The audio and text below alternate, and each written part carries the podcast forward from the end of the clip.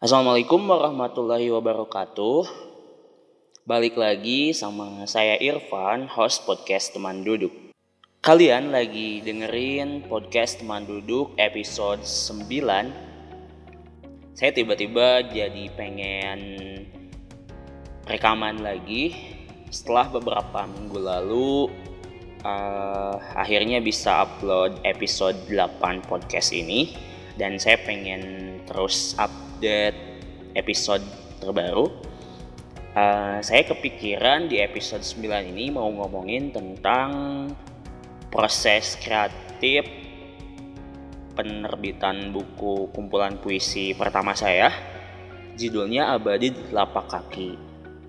Saya pikir ini menarik aja untuk diceritain karena um, ya mungkin bisa jadi inspirasi dan uh, apa ya inspirasi buat yang minat untuk juga nerbitin karyanya. Tapi gak mesti puisi sih sebenarnya bisa um, apa ya bisa karya lain kumpulan esai misalnya atau kumpulan catatan harian di blog dan lain sebagainya. Um, jadi kumpulan uh, puisi yang judulnya abadi di telapak kaki ini merupakan karya pertama saya yang dibuat sendiri. Kalau karya-karya atau tulisan-tulisan lain sebenarnya ada beberapa buku yang uh, saya pernah tergabung di antologi tersebut, tapi saya kira sensasinya atau uh, kesannya itu beda dengan buku yang ditulis dengan uh, ya sendiri gitu hasil karya sendiri bukan kumpulan tulisan. Nah jadi abadi di telapak kaki ini uh, bukunya ada bentar ya saya agak-agak lupa. Ada sekitar total halamannya uh, 126 halaman. Itu dari mulai bagian pertama uh, tema uh, apa puisinya sam sampai ke profil penulisnya yaitu saya sendiri. Nah jadi uh, kenapa sih saya mulai ya dengan uh, kenapa saya akhirnya tertarik untuk menerbitkan buku kumpulan puisi. Tapi sebelumnya uh, saya mau cerita dulu tentang um, apa ya akibat dari saya menerbitkan buku ini tuh uh, di antaranya adalah diminta untuk bicara di beberapa forum. Yang pertama itu uh, saya tanggal 28 Februari diminta sama kawan seorang kawan yang juga satu kampus dengan saya untuk kayak semacam mini talk show sharing sih sebenarnya tentang buku puisi ini. Dari mulai proses kreatif kemudian um, penerbitan juga dan inspirasi-inspirasi di buku ini.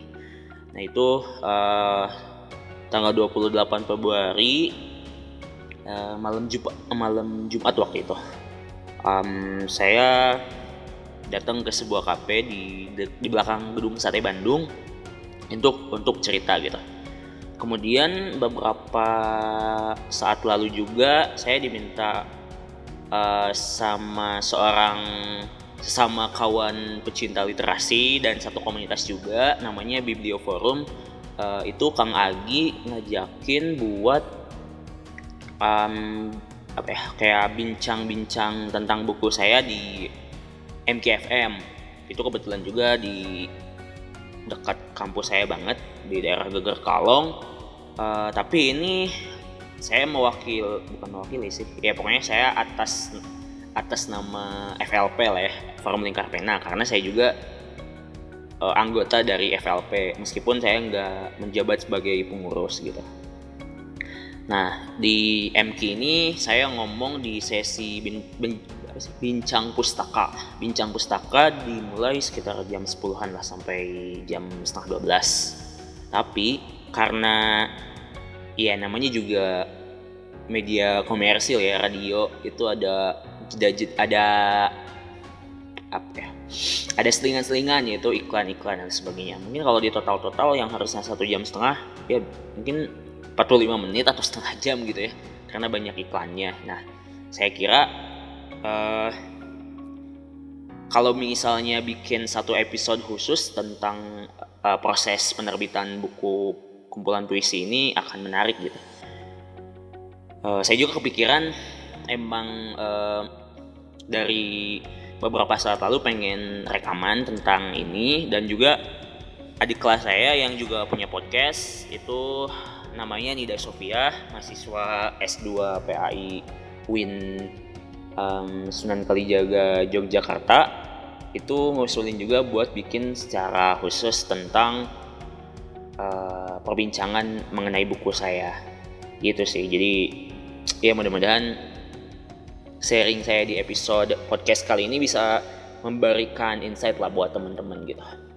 Jadi tadi sebagaimana uh, udah saya ceritain ya uh, eh udah belum sih tadi um, buku ini tuh dibuat sebenarnya uh, idenya tuh sekitar bulan Oktoberan lah akhir-akhir mungkin akhir-akhir Oktober. Saya tuh kepikiran buat ngebukuin karena banyak nggak banyak juga sih beberapa pembaca puisi saya entah di Instagram atau di Tumblr itu nanyain atau bahkan adik kelas juga sih nanyain kapan nih bisa buku saya bisa terbit gitu. Mereka nggak secara spesifik sih sebenarnya bukunya buku puisi atau buku esai atau buku apa pun. Intinya ya mereka pengen aja sih mungkin uh, baca secara utuh tulisan saya uh, dalam sebuah buku.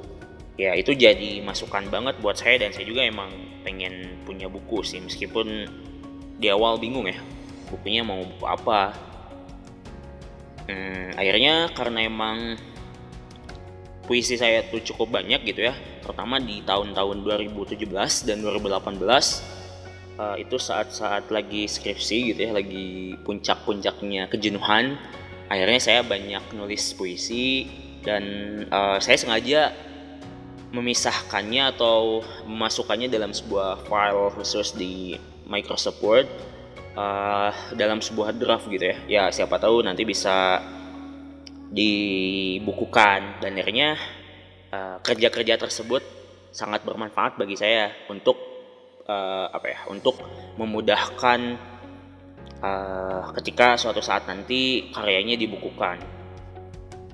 Nah kemudian uh, saya iseng-iseng aja sih waktu itu di beberapa grup WhatsApp yang saya ikuti um, ada di IPA Inspiring Forum sebuah grup prestasi di jurusan saya kemudian di beberapa uh, grup WhatsApp yang lain gitu ya. Ngetes aja sih kalau misalnya saya terbitin buku mau pada beli gak kan?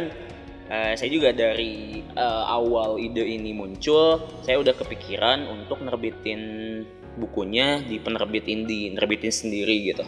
Self publishing nggak mayor karena emang setahu saya ya buku puisi kalau misalnya kita kita belum terkenal gitu ya ya susah untuk tembus ke uh, penerbit yang gede kayak misalnya Kompa, eh, Kompas, Gramedia, kemudian uh, Grasindo, kemudian Basa Basi, penerbit Basa Basi di Yogyakarta itu agak susah-susah gimana gitu ya dan akhirnya saya juga nyadar diri gitu. Nah uh, ternyata responnya cukup lumayan lah ya mungkin ada beberapa puluh kalau misalnya saya total-total di WhatsApp kemudian di Instagram. Meskipun di Instagram sih di, di polling itu mungkin ada dua atau tiga orang yang ngerespon gitu. Tapi itu cukup jadi uh, motivasi tersendiri bagi saya untuk akhirnya ngeksekusi gagasan ini.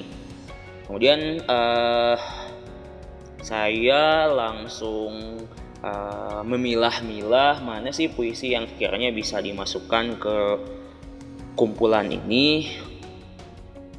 Dan sampai um, apa ya hamin beberapa eh hamin ya ha, ha ah, sorry.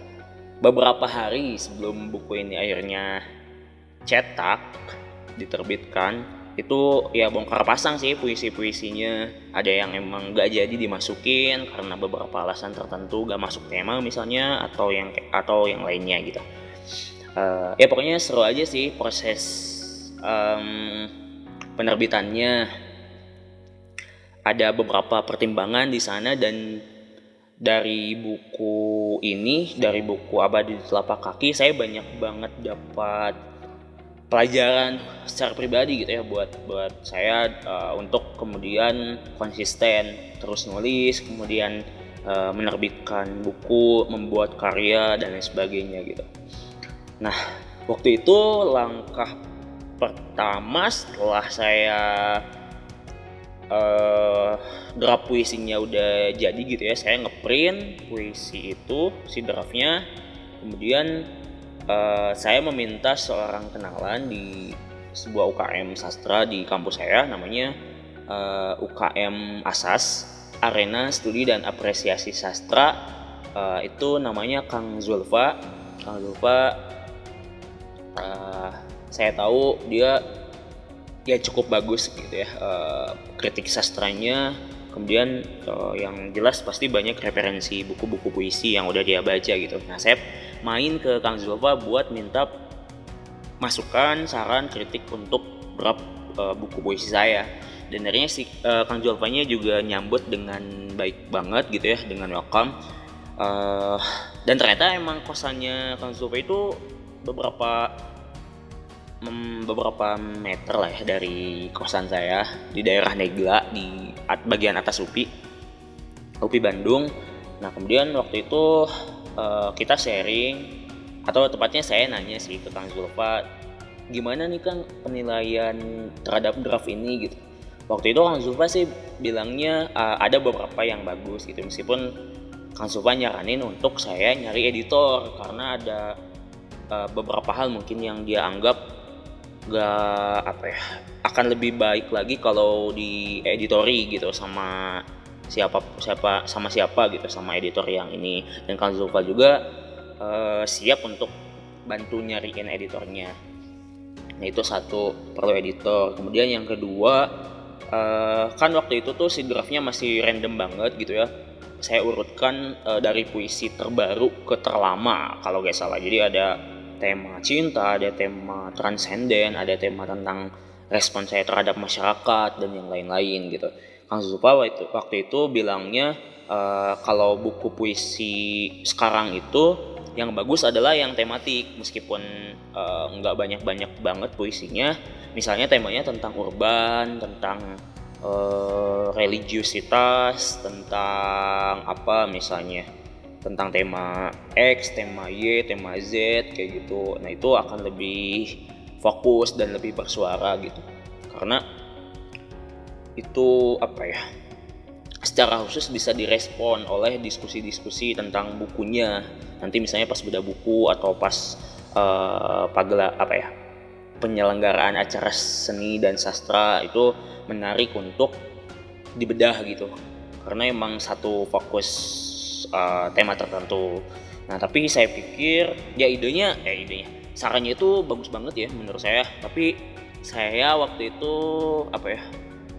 Gimana sih kalau misalnya orang yang lagi jatuh cinta, lagi kasmaran kan itu apa ya? Ya fungsi akal sehatnya agak-agak uh, apa ya? Agak-agak terkalahkan oleh keinginannya untuk uh, apa ya? Untuk memiliki sesuatu gitu ya dalam tanda petik. Nah, dalam hal ini saya ingin punya buku ini dengan cepat gitu, entah kenapa. Saran tersebut nggak saya apa ya, nggak saya tindak lanjuti dengan serius gitu. Saya nggak pakai editor, kemudian saya juga nggak me, apa ya, membagi buku ini hanya ke dalam tema-tema yang cenderung aja, tapi nggak secara spesifik banget gitu. Nah, kemudian uh, setelah uh, saya main ke Kang Zulfa beberapa saat kemudian. Saya juga riset calon penerbitnya. Hmm, karena emang waktu itu budget saya juga nggak gede-gede banget gitu ya hanya ada sekian.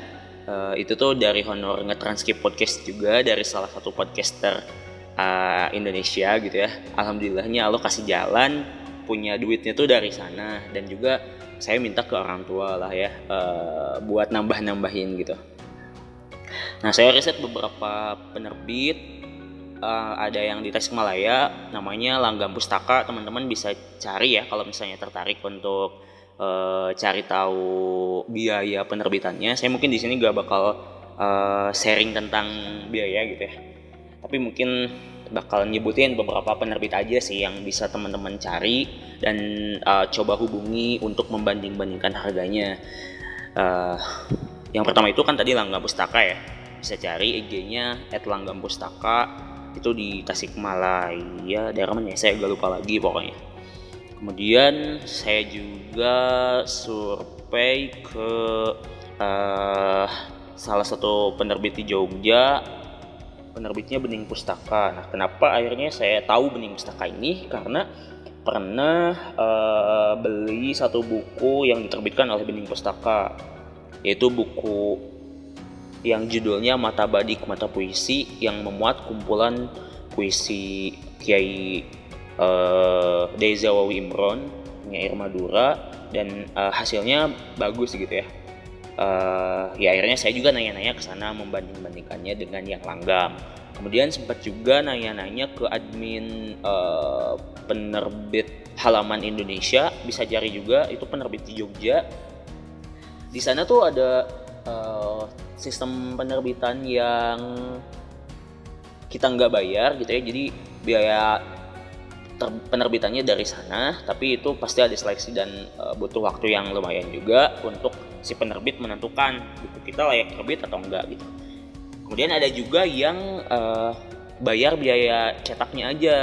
Ada yang 250.000 itu paling murah dan kita dapat beberapa fasilitas misalnya halaman jumlah halaman buku dengan ukuran uh, kertas sekian tapi kalau gak salah bukan A4 Uh, itu maksimal 100 halaman. Kemudian nanti bakal dapat cover desain cover layout editing dan lain sebagainya. Dan dapat bukti cetak bukti terbit uh, bukunya itu dua kalau atau tiga gitu ya kalau gak salah. Kemudian ada yang 500 ribu sejuta nyampe 5 jutaan. Itu masing-masing fasilitasnya beda gitu masing-masingnya ada ya keunggulan jelas ya yang lebih mahal lebih bagus dari uh, apa ya promosinya, kemudian jumlah buku yang dicetak dan sebagainya gitu. Nah itu kalau misalnya berbayar pakai opsi yang kedua, kita dapat royalti sekitar 30%. Itu gede banget sih menurut saya. Kalau misalnya dibandingkan dengan penerbit mayor yang saya tahu itu sangat kecil, royaltinya 5%. Nah itu juga gak tahu ya. Apakah setiap penerbit mayor pukul rata 5% atau ada yang 10%, ada yang 15% dan sebagainya, nggak tahu juga. Kemudian saya juga sempat nanya ke uh, di Jogja masih di Jogja, masih di Jogja ya karena emang setahu saya tuh penerbit indie di Jogja banyak banget jadi industri banget gitu ya. Kalau saya survei-survei di Bandung ada salah satu penerbit yang apa ya memfasilitasi uh, penerbitan berbayar tapi itu kalau dilihat-lihat harganya mahal gitu ya kalau di Jogja murah. Nah yang ketiga yang di Jogja itu namanya penerbit JBS jual buku sastra. Kalau jual buku sastra itu kan uh, akun uh, eh, OL apa sih book toko buku online-nya. Nah kemudian di bawah si toko bukunya itu ada penerbit penerbit JBS nah itu uh, harganya lumayan murah untuk spesifikasi uh, 120-an halaman uh, bukunya uh, tapi kekurangannya adalah kita harus menyiapkan desain covernya, kemudian layoutnya, editing si bukunya harus udah dari kita. Kemudian uh, waktu itu saya juga diminta untuk kalau misalnya jadi diminta untuk big, apa ya ngisi sur uh, ngisi sebuah form gitulah. Dari sana kalau gak salah dikasih untuk pengajuan ISBN-nya kalau saya ini kan jadinya di bening pustaka ya. Ini semuanya di urusin sama bening ISBN cover kemudian layout dan lain sebagainya. Sementara yang di JBS ini enggak tapi harganya uh, murah banget gitu. Jadi penting nih kalau misalnya kawan-kawan bikin buku ini uh, pelajaran yang saya dapetin gitu ya. Untuk yang indie teman-teman kalau bisa desain covernya dari teman-teman. Bisa kolaborasi misalnya atau minta tolong ke teman-teman kita kita kasih uh, berapa gitu ya sesuai kesepakatan harga uh, editingnya kemudian layoutnya covernya dan lain-lain gitu. Jadi kita tinggal cetak aja. Dan mungkin nanti sama pengurusan ISBN-nya gitu. Uh, itu sekilas penerbitan gitu ya penerbitan buku ini. Uh, apalagi ya? Ada yang kelewat gak sih? Uh, JBS pokoknya ada beberapa juga sih penerbit-penerbit lain yang oh iya di di Tasik juga masih di Tasik. Ada saya sempat nanya-nanya ke penerbit Bangun Sastra itu uh, yang saya lihat fokus di sastra gitu ya banyak buku-buku terbitannya kumpulan puisi dan lain sebagainya gitu dan itu cukup produktif nerbitin karya-karya penulis muda uh, Tasikmalaya gitu. Dan saya juga emang kebetulan sih orang Tasik harganya itu murah sekian juga lah gak jauh sama yang jual buku sastra. Nah uh, penerbitan. Kemudian oh ya uh, harusnya jangan dulu masuk penerbitan sih tapi gak apa-apa. Nah tadi kan pokoknya akhirnya saya milih benih pustaka karena beberapa pertimbangan gitu setelah saya banding-bandingkan dengan penerbit-penerbit lain. Tapi saya juga e, sebenarnya suka banget sama hasil cetakannya JBS penerbit JBS karena e, saya lihat dari buku terbitannya itu yang sebelum sendirinya Aan Mansur itu bagus kecil gitu ya e, ukurannya itu sekian kali sekian sentimeter. E, tapi karena kalau misalnya dari saya uh, covernya editing layout dan lain-lainnya itu bakal lama ya bakal makan waktu lagi dan saya males banget. Uh, itu. Kemudian setelah si draft yang mau saya uh, maksudnya setelah penentuan penerbit itu saya juga sambil minta beberapa testimoni dari beberapa orang yang saya kira uh, apa ya, ya menerima permintaan permintaan saya untuk bikin testimoni. Yang pertama itu saya minta ke dosen filsafat saya. Uh, saya kira kalau misalnya dosen filsafat itu kan uh, mengenal secara baik tentang sastra karena relasinya dekat gitu. Dan akhir dan beliau juga sebagai sekaligus sebagai dosen PA saya di S2 Pendidikan Agama Islam UPI Bandung uh, beliau Pak Ahmad Syamsurijal alumnus S2 uh, filsafat ya kalau filsafatnya gitu. Dan beliau sangat menyambut baik dan mengapresiasi uh, karya saya gitu ya. Uh, maksudnya keinginan untuk menerbitin buku kumpulan puisi. Kemudian saya juga minta uh, testimoni ke senior saya di Forum Lingkar Pena Bandung. Ada Kang Topik Mulyana kemudian uh, pegiat literasi Kang Willy Akdes kemudian uh, Kang Boderi Swandi ini penyair Jawa Barat asal Tasik juga dan di Tasik uh, apa ya, yang ngebina banyak mahasiswa-mahasiswa ataupun pemuda-pemuda Tasikmalaya dan ter tapi terutama di kota Tasiknya gitu. Kemudian saya juga minta ke uh, beberapa penyair sebenarnya tapi nggak saya follow up lagi gitu ada beberapa yang nggak jadi dimasukin testimoninya. Kemudian ke kakak kelas saya di dari uh, alumnus PA apa ilmu pendidikan agama Islam UPI Bandung juga. Kemudian ada salah satu uh, penulis, peneliti dan dosen juga dari Cianjur, Kang Irfan El Sarhindi itu uh, alhamdulillah. Meskipun saya nggak tahu sih sebenarnya SKSD aja pakai uh, DM Instagram gitu. Nah, uh, saya pengen uh, juga kalau misalnya teman-teman bikin karya. Uh, bisa tuh untuk testimoni testimoninya teman-teman minat sama tokoh tertentu. Kemudian ada medsosnya ya teman kawan uh, teman-teman langsung aja SKSD gitu ya tapi dengan cara-cara yang baik yang santun uh, untuk meminta kesediaannya memberikan endorsement atau testimoni di buku kita gitu. Uh, meskipun ya apa ya?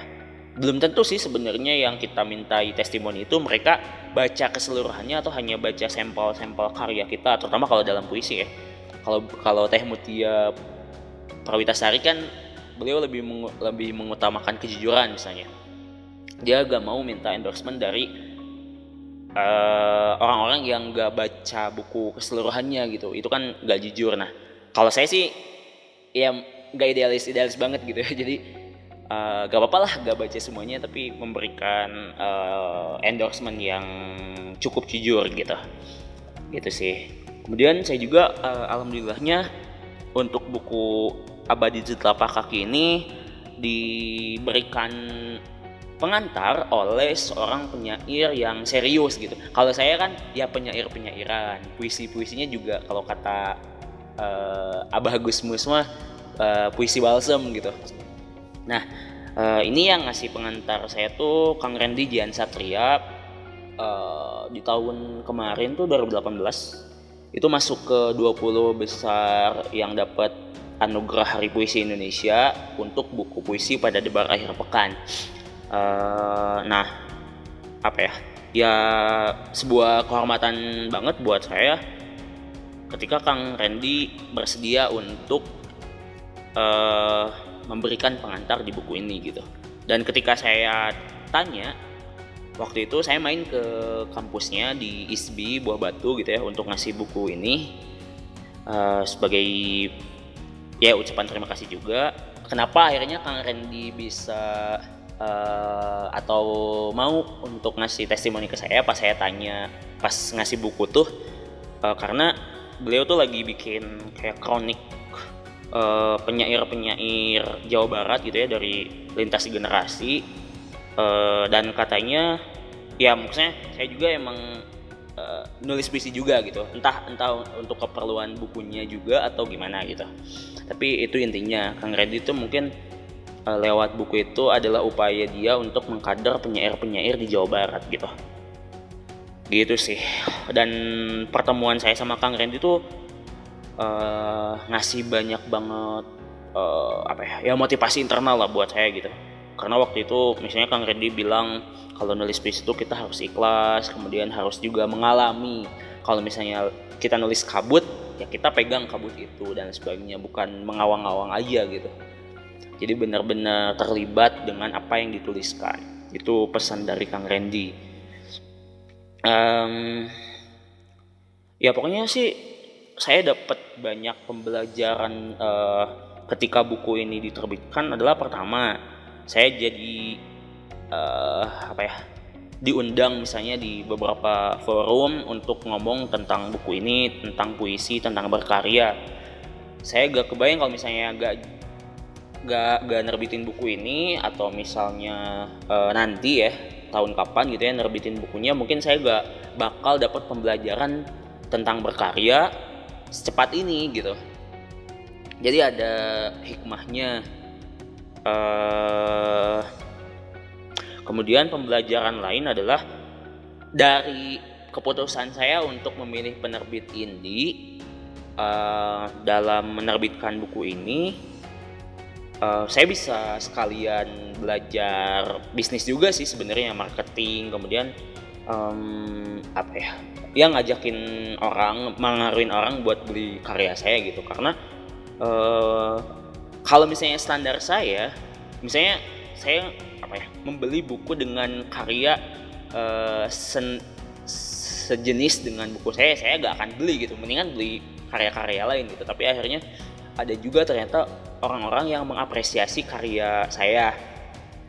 Kebanyakan sih yang beli itu adik kelas di di ilmu pendidikan agama Islam. Kemudian ada juga beberapa kawan di komunitas dan ternyata ada juga sekitar berapa ya tiga orang mungkin yang beli itu karena tahu dari temennya karena emang eh, trik saya untuk mempromosikan buku ini tuh salah satunya adalah meminta beberapa kawan di uh, beberapa kawan yang punya Instagram untuk nitip di storynya gitu. Dan ternyata ada beberapa temennya yang tertarik untuk beli.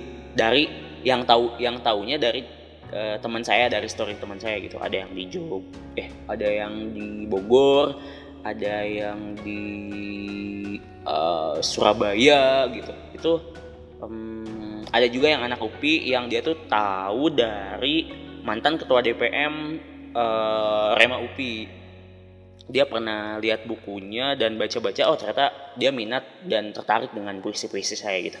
Itu kan hal-hal yang gak terduga gitu. Saya di awal terbitin buku ini uh, ya didedikasikan untuk pembaca-pembaca saya gitu karena mereka uh, mengapresiasi karya saya dan saya juga ingin mengapresiasi balik gitu. Berterima kasihnya adalah dengan uh, menghadirkan sebuah kumpulan puisi uh, atau kumpulan karya saya gitu. Nah itu. Jadi pesannya sih buat kalian kalau misalnya ada keinginan untuk nulis buku ya sok aja tulis aja eksekusi gitu. Kalau misalnya malu atau tertekan dengan perasaan oh saya mah karyanya nggak layaknya buat diterbitin dan lain sebagainya ya hajar aja sih lawan aja ketakutan itu gitu. Saya juga ini uh, banyak kekurangannya banget gitu. Kalau misalnya uh, pakai standar yang tinggi banget ya buku saya mungkin nggak layak terbit gitu. Tapi toh uh, ada juga orang yang apresiasi karya kita gitu.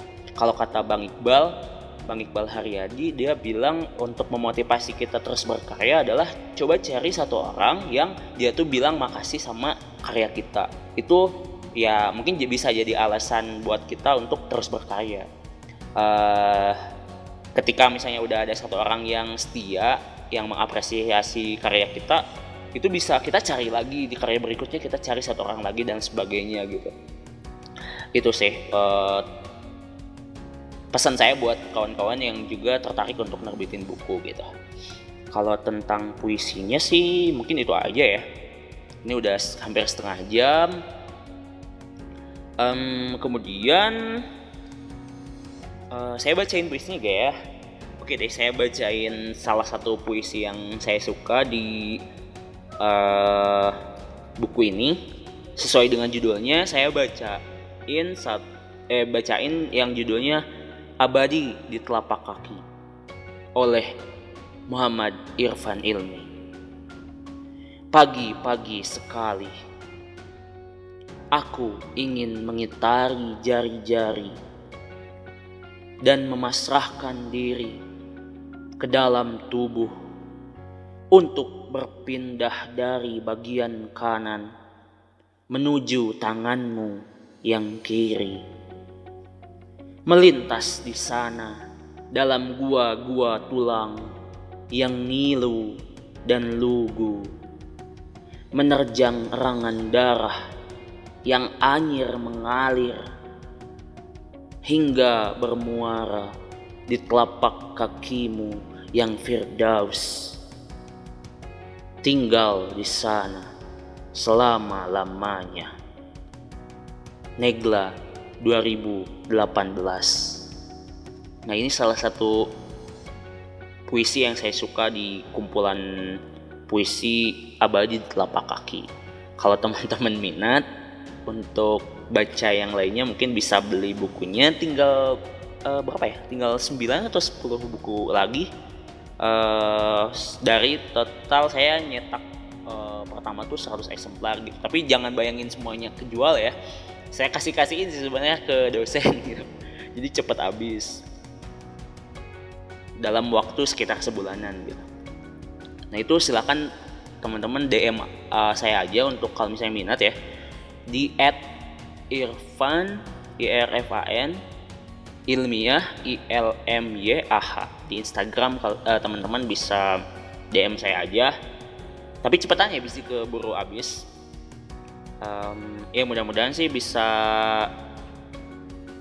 uh, bisa sesegera mungkin masuk ke cetakan yang kedua gitu. Karena memang katanya si Kang Taufik ketua uh, komunitas saya di Biblio Forum itu pengen ngadain launching buku ini. Jadi kalau misalnya bukunya udah habis kan gimana gitu ya gak lucu uh, launching. Tapi si pesertanya uh, bisa mendapatkan buku saya gitu. Jadi mudah-mudahan ya minta doanya juga sih dari kawan-kawan pendengar uh, biar saya punya modal untuk masuk ke cetakan kedua. Karena emang salahnya tuh saya apa ya uh, hasil penjualan kemarin tuh langsung kadang-kadang beberapa uh, hasil penjualannya saya beliin buku atau jajan dan sebagainya jadi gak dipisahin. Jadi ya uangnya nggak.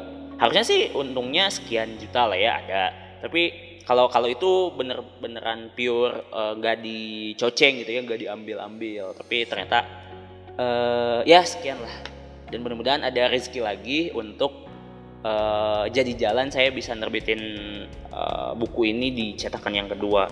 Dengan beberapa perbaikan tentunya gitu. Saya pengen ganti covernya karena emang nggak terlalu uh, suka-suka banget sama yang ini gitu. Pengen uh, cari pengen desain ulang lah covernya gitu. Um, oh iya sebelum diakhiri saya juga uh, selain diminta untuk sharing gitu ya uh, saya juga sama Kang Zulfa gara-gara mungkin Kang Zulfa lihat saya serius bikin puisi uh, dibuktikan dengan hadirnya buku ini. Kemarin malam Jumat itu di tanggal 21 Maret saya diminta sama Kang Zulfa buat uh, apa ya dia bacain puisi gitu. Katanya mewakili FLP Bandung. Uh, itu untuk baca di Museum Kota Bandung dan itu emang isinya perwakilan dari beberapa komunitas gitu. Ada asas ada uh, apa sih kelompok sastra buah batu. Uh, kemudian ada ngampar buku ada sajak liar ada yang dari unpad juga. Kemudian ya masih banyak ya yang lainnya gitu. Dan itu yang adanya tuh Jazz Food Society gitu. Uh, yang Kang Zulfa di aktif di sana juga itu kemudian tanggal 31 besok 31 Maret itu diminta sama uh, si Teh Nurul gitu ya. Ya mentor saya guru saya uh, nulis puisi di FLP untuk uh, ngebincangin buku ini di Cicalengka. Karena Teh Nurul juga aktif uh, berkegiatan literasi di sana gitu. Bahkan uh, saya juga pas buku ini belum terbit tapi udah ada desain uh, bukunya itu saya share ke grup WhatsApp kelas penulis. Uh, ruang tengah itu yang apa ya yang bikinnya tuh Kang uh, Kang Fad Pahdepi dan ketika saya share wah kata Kang Fad tuh dia ngeresponnya wah ini uh, harus didiskusikan katanya. Karena memang ada event-event uh, apa ya diskusi di di kafenya Kang Fad gitu. Nah saya kalau misalnya pengen masih sebenarnya kalau ada ongkosnya gitu, tinggal bilang aja mungkin nanti disiapin uh, acaranya dan audiensnya saya tinggal sharing aja gitu. Uh, mudah-mudahan sih kesempatannya bisa saya ambil gitu ya untuk memperkenalkan puisi-puisi saya. Nah itu sih tentang uh, tentang buku ini mah gitu. Kemudian untuk uh, ke depannya saya oh sekarang ya sekarang saya lagi uh, edit edit uh, jurnal harian saya. Itu tuh saya nulis jurnal kan dari 2017 saya nyampe sekarang 2019 itu hampir tiga, ya tiga tahunan mungkin. Dua tahun lebih. Itu udah sekitar 353 judul tulisan. Dan dari sekian tulisan itu banyak ternyata yang ngomongin tentang nulis baca diskusi. Nah saya lagi garap uh, tema-tema itu untuk diterbitkan dalam bentuk buku juga. Entah sih kalau misalnya buku ini mah mau terbit mayor atau uh, dengan konsekuensi saya nunggu lama dan mungkin juga ditolak karena emang gak layak terbit atau saya terbitin indie lagi tapi butuh duit ternyata. Ya minimal berapa ya? Mungkin 3 juta atau 4 juta gitu. Kalau ada rezekinya sih enakan nerbitin indie karena untungnya lebih gede dan lebih cepat dapat ininya gitu uh, itu ya mohon doanya dari teman-teman mudah-mudahan cepat selesai editingnya gitu ya. Saya ngedit sendiri dulu sih self editing dulu sebelum nanti misalnya diedit sama yang lebih profesional. Kemudian ada juga kayaknya uh, dari sekian judul tulisan saya di jurnal, eh, jurnal saya di Tumblr itu bisa jadi tiga buku. Yang satu tentang nulis dan baca dan diskusi kemudian yang lainnya tentang karya yang lainnya juga bisa tentang uh, refleksi keseharian saya gitu nah kemudian terkait puisi ini ya saya juga kepikiran untuk uh, bikin buku lagi tapi entah kapan terbitnya gitu. Pokoknya dari yang kemarin uh, masuk ke abadi di telapak kaki itu tuh ada beberapa sebenarnya yang tereliminasi gak saya masukin gitu. Kemudian saya juga bikin beberapa buku beberapa puisi lagi. Itu ada sekitar 30-an lumayan kan untuk nanti uh, satu bukuan lagi gitu kemudian mm, next project juga saya kepikiran untuk bikin puisi yang didedikasikan untuk Salon Heaven. Karena emang saya tuh suka banget sama Salon Heaven gitu ya sama lagu-lagunya.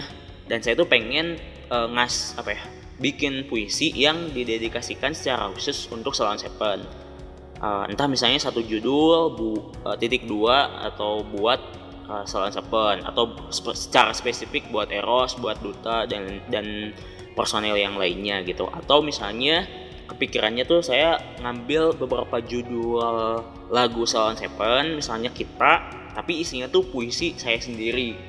Mengin, apa ya meng, menafsirkan atau menginterpretasikan secara bebas tentang judul tersebut. Atau uh, intertext dengan liriknya gitu. Itu sih kayaknya menarik. Tapi belum saya bikin baru baru wacana aja gitu itu satu kemudian yang kedua saya pengen bikin buku kumpulan puisi yang khusus uh, puisi-puisinya tuh buat anak-anak gitu jadi saya harus riset lebih jauh lagi uh, gimana sih sebenarnya semesta anak-anak itu gitu dengan pemikiran-pemikiran mereka yang uh, liar, pemikiran mereka yang berani, yang imajinatif gitu. Nah, saya pengen masuk ke sana.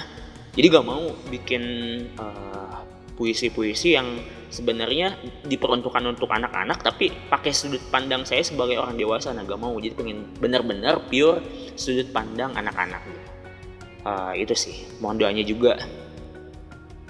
Uh, mudah-mudahan saya bisa konsisten berkarya gitu. Baik itu berkarya dalam bentuk tulisan uh, kemudian secara offline dalam bentuk komunitas-komunitas atau kegiatan sosial atau juga dalam bentuk podcast ini gitu. Ini kan episode ke-9 yang mudah-mudahan nggak berhenti di sini tapi bisa terus berlanjut uh, sampai uh, maut datang gitu. Astagfirullah. Serius banget ya. Itu aja sih mungkin sharing kali ini. Uh, terima kasih kawan-kawan udah menyempatkan 40 sekian menit mendengarkan ocehan saya yang mungkin eh, nggak uh, terstruktur dengan bagus gitu. Dan mudah-mudahan ke depannya saya bisa lebih bagus lagi mengemas konten di podcast ini. Dan selain saya ngomong sendiri kayak gini saya juga uh, mudah-mudahan bisa sesegera mungkin merealisasikan bincang bincang-bincang saya bersama beberapa narasumber yang keren gitu. Di sesi uh, duduk bareng. Dan saya juga kepikiran untuk bikin podcast live gitu ya. Kayak yang Bang Iqbal tuh kan ada subjective live nah saya uh, duduk bareng live. Misalnya di UPI itu ngundang beberapa narasumber dengan audiens uh, yang khususnya anak UPI tapi umum sebenarnya untuk siapa pun pendengar uh, podcast ini. Mungkin itu itu dulu saja dari saya. Uh, kritik dan sarannya bisa teman-teman kirim aja ke email saya uh, ilmy irfan at gmail.com atau DM juga atau bisa DM juga ke tadi Instagram saya at irfan ilmiah. Uh, ditunggu banget feedbacknya kritiknya sarannya untuk perbaikan atau uh, apa ya, ya perbaikan peningkatan kualitas dari podcast teman duduk ini. Sekian dari saya. Assalamualaikum warahmatullahi wabarakatuh